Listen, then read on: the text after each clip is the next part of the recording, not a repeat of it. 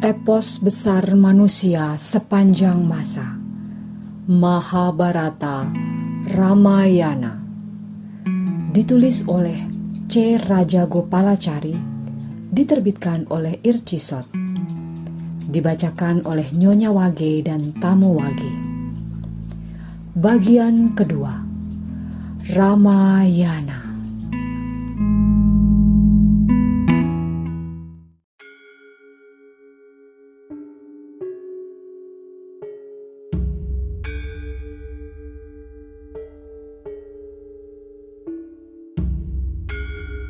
Bab 3 Trisanku Dahulu kala berkuasalah seorang raja masyur dari dinasti titisan Batara Surya, Raja Trisanku.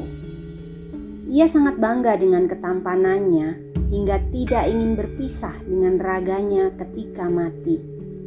Ia ingin naik ke surga dengan raganya yang penuh pesona itu. Ia meminta Resi Wasista gurunya untuk mewujudkan keinginannya. Sang guru menasihati raja untuk melupakan keinginan yang tidak mungkin terwujud itu. Tidak puas dengan jawaban sang guru, ia dekati putra-putra sang guru dan sekali lagi mengutarakan keinginannya. Mereka gusar dengan permintaan yang kata ayah mereka sendiri tidak mungkin Bahkan mereka menertawakan kegilaan sang raja dan mengusirnya pergi dengan kasar. Walau ditolak, sang guru dan putra-putranya, Raja Trisanku tetap bersikeras dengan keinginannya.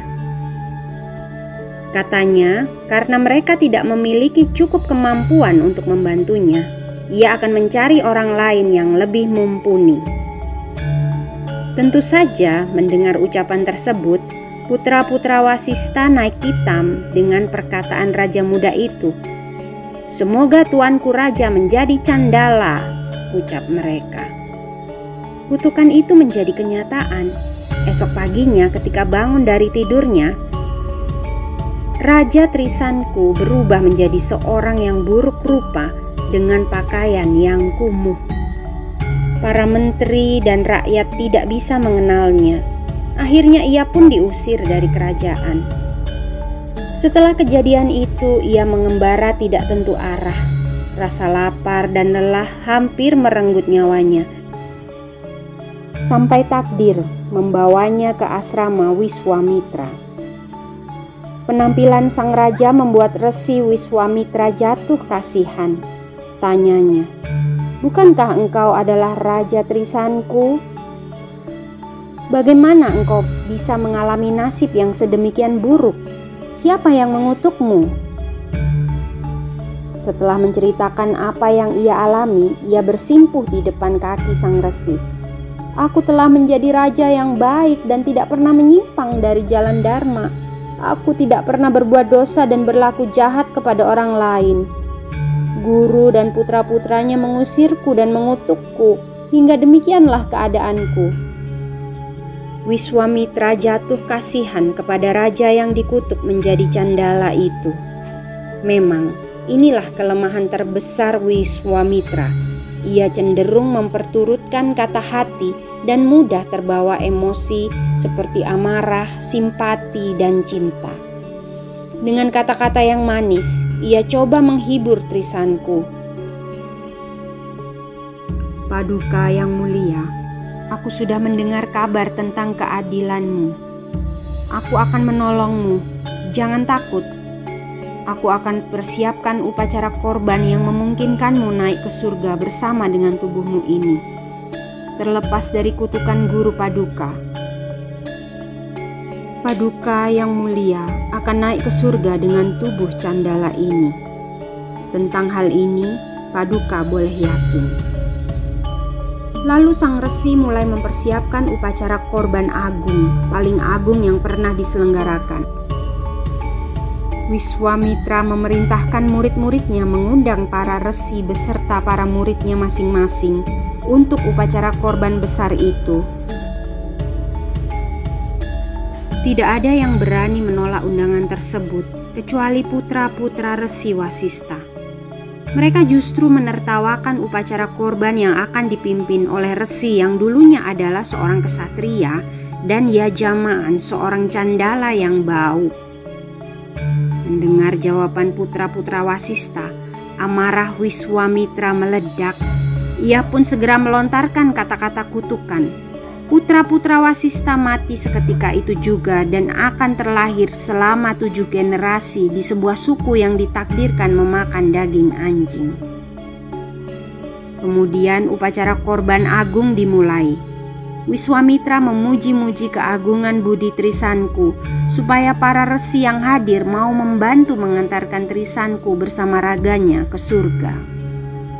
Karena takut pada kesaktian dan temperamen Wiswamitra yang mudah naik darah, para tamu undangan ikut memberikan bantuan dan upacara pun dapat berjalan dengan lancar.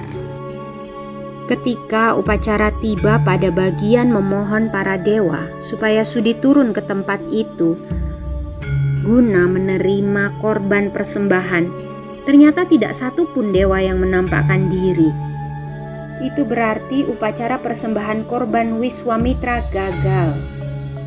Dalam hati, para resi yang hadir menertawakan kegagalannya.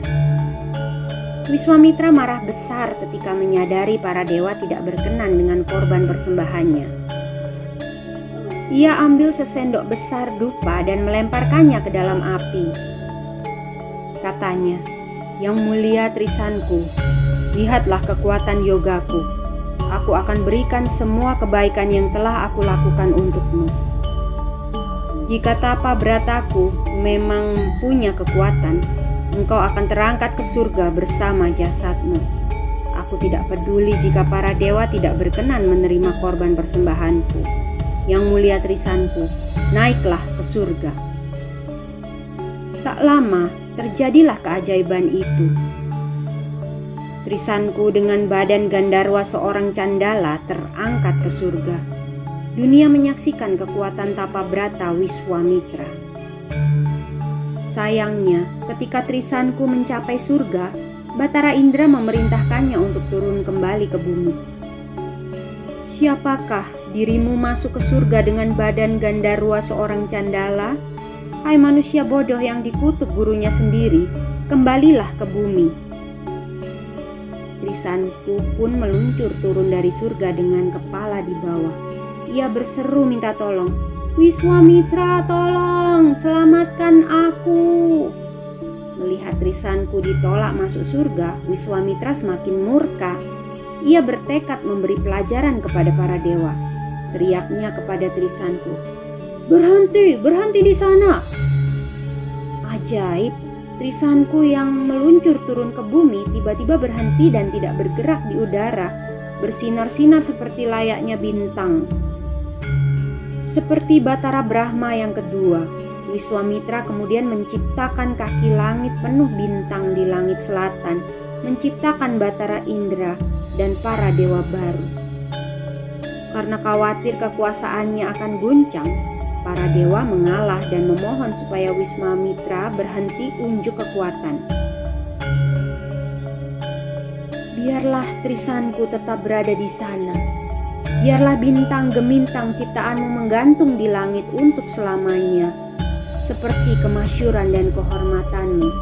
Kendalikanlah amarahmu dan marilah berdamai puas telah memberikan pelajaran kepada para dewa dan amarahnya telah mereda, Wiswamitra menghentikan proses penciptaannya.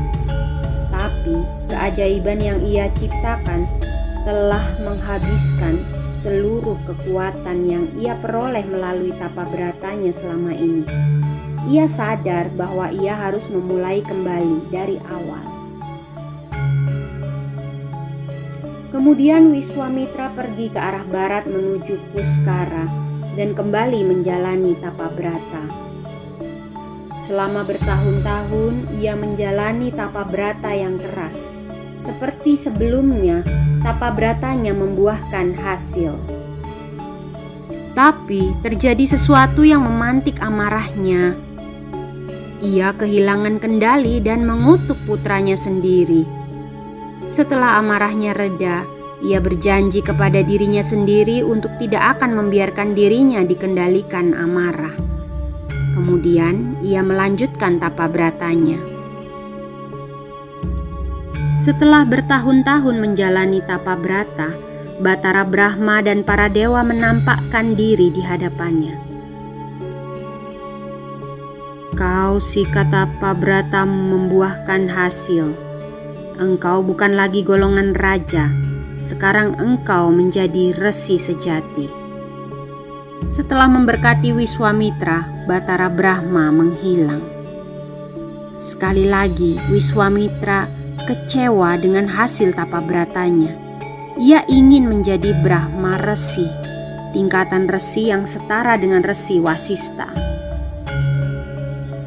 Tapi yang ia peroleh hanyalah tingkatan resi pada umumnya, ia teringat kembali dengan betapa sia-sianya semua senjata yang ia peroleh di hadapan Brahma Danda milik Wasista.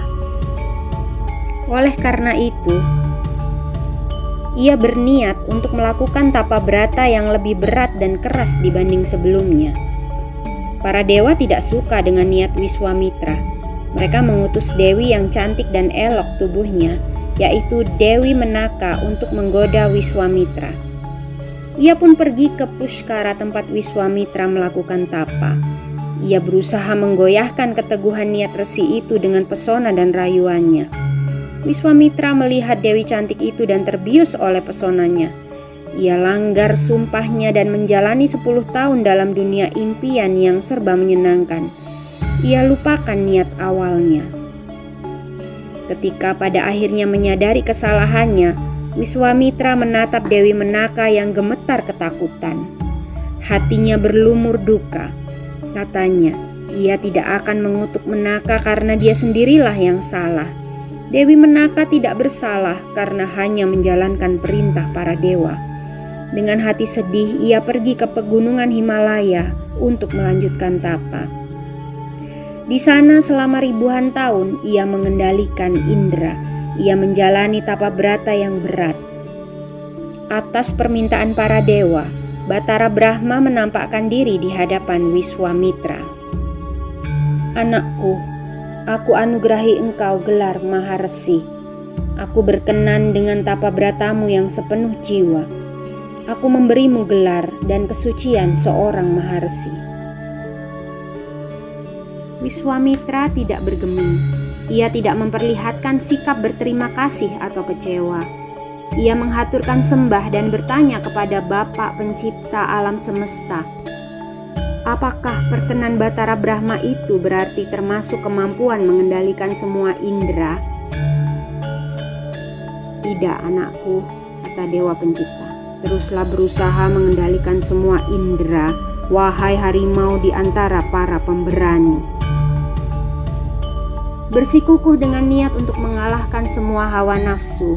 Wiswamitra menjalani seribu tahun tapa berata lagi, yang bahkan lebih berat. Para dewa ketakutan dengan niat Wiswamitra ini. Mengetahui para dewa ketakutan, Batara Indra segera memanggil Dewi Kahyangan yang jelita, Dewi Ramba ia perintahkan sang dewi untuk memikat Wiswamitra dengan kecantikan dan rayuannya. Semula Dewi Ramba sangat takut menerima tugas itu, tapi Batara Indra berjanji tidak akan membiarkannya bekerja sendirian.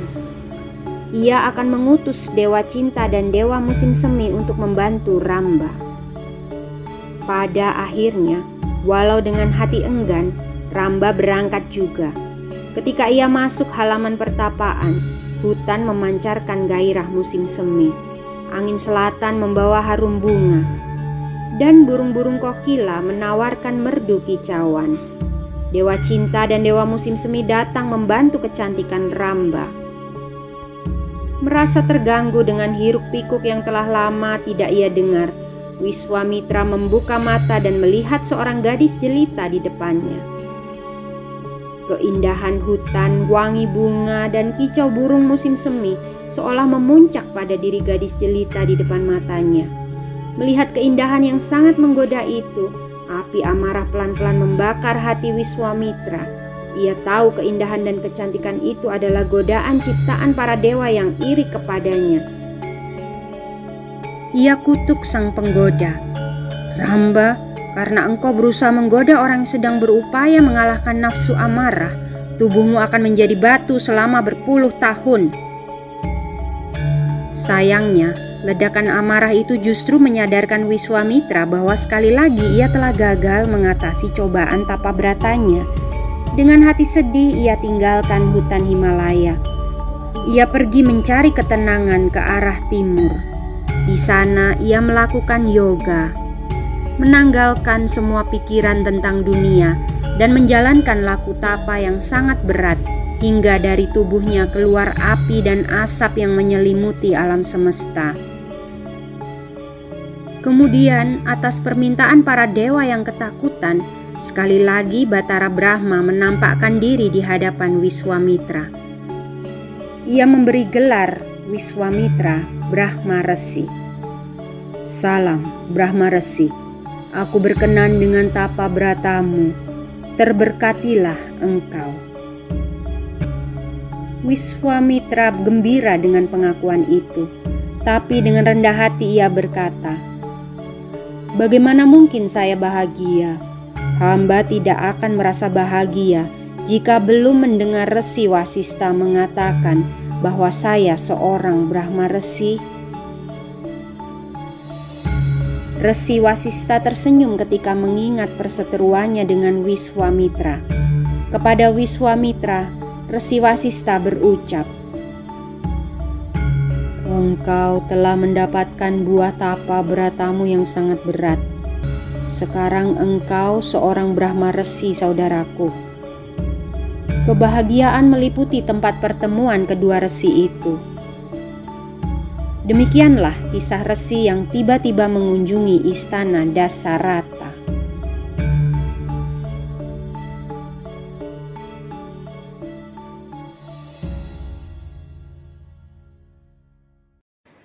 Dengarkan kisah selanjutnya di wage depan dengan tamu wage yang lain.